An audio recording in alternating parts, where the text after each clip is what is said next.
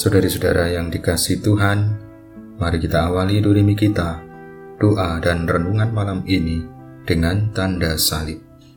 Dalam nama Bapa dan Putera dan Roh Kudus.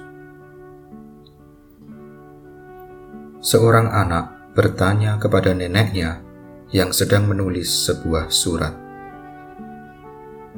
Nenek lagi menulis tentang pengalaman kita ya? Atau tentang aku? Mendengar pertanyaan si cucu, sang nenek berhenti menulis dan berkata kepada cucunya,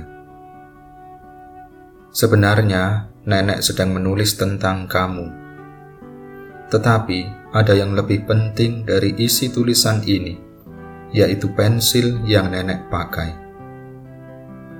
Nenek harap kamu bakal seperti pensil ini ketika kamu besar nanti."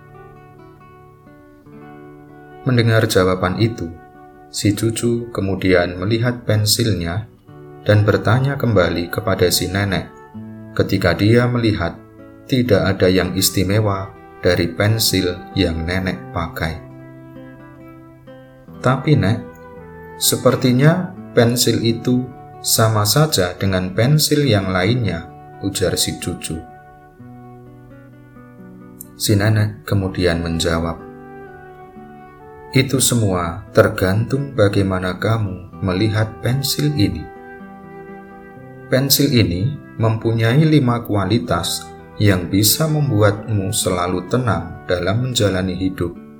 Kalau kamu selalu memegang prinsip-prinsip itu di dalam hidup ini,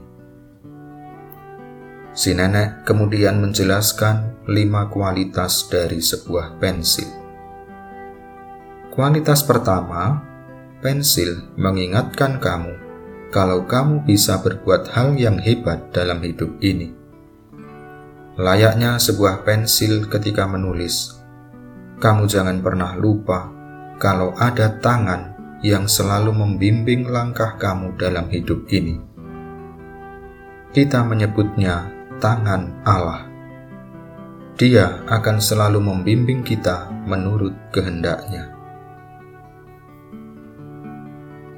Kualitas kedua, dalam proses menulis, nenek kadang beberapa kali harus berhenti dan menggunakan rautan untuk menajamkan kembali pensil nenek. Rautan ini pasti akan membuat si pensil menderita. Tetapi setelah proses meraut selesai, si pensil akan mendapatkan ketajamannya kembali. Begitu juga dengan kamu. Dalam hidup ini, kamu harus berani menerima penderitaan dan kesusahan, karena merekalah yang akan membuatmu menjadi orang yang lebih baik. Kualitas ketiga, pensil selalu memberikan kita kesempatan untuk mempergunakan penghapus, untuk memperbaiki kata-kata yang salah oleh karena itu, memperbaiki kesalahan kita dalam hidup ini bukanlah hal yang jelek. Itu bisa membantu kita untuk tetap berada pada jalan yang benar.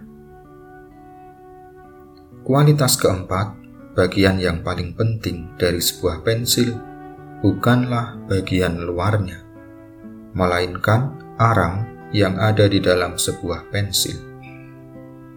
Oleh sebab itu, selalulah hati-hati dan menyadari hal-hal di dalam dirimu.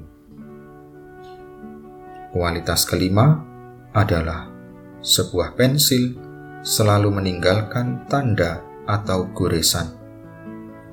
Demikianlah juga kamu.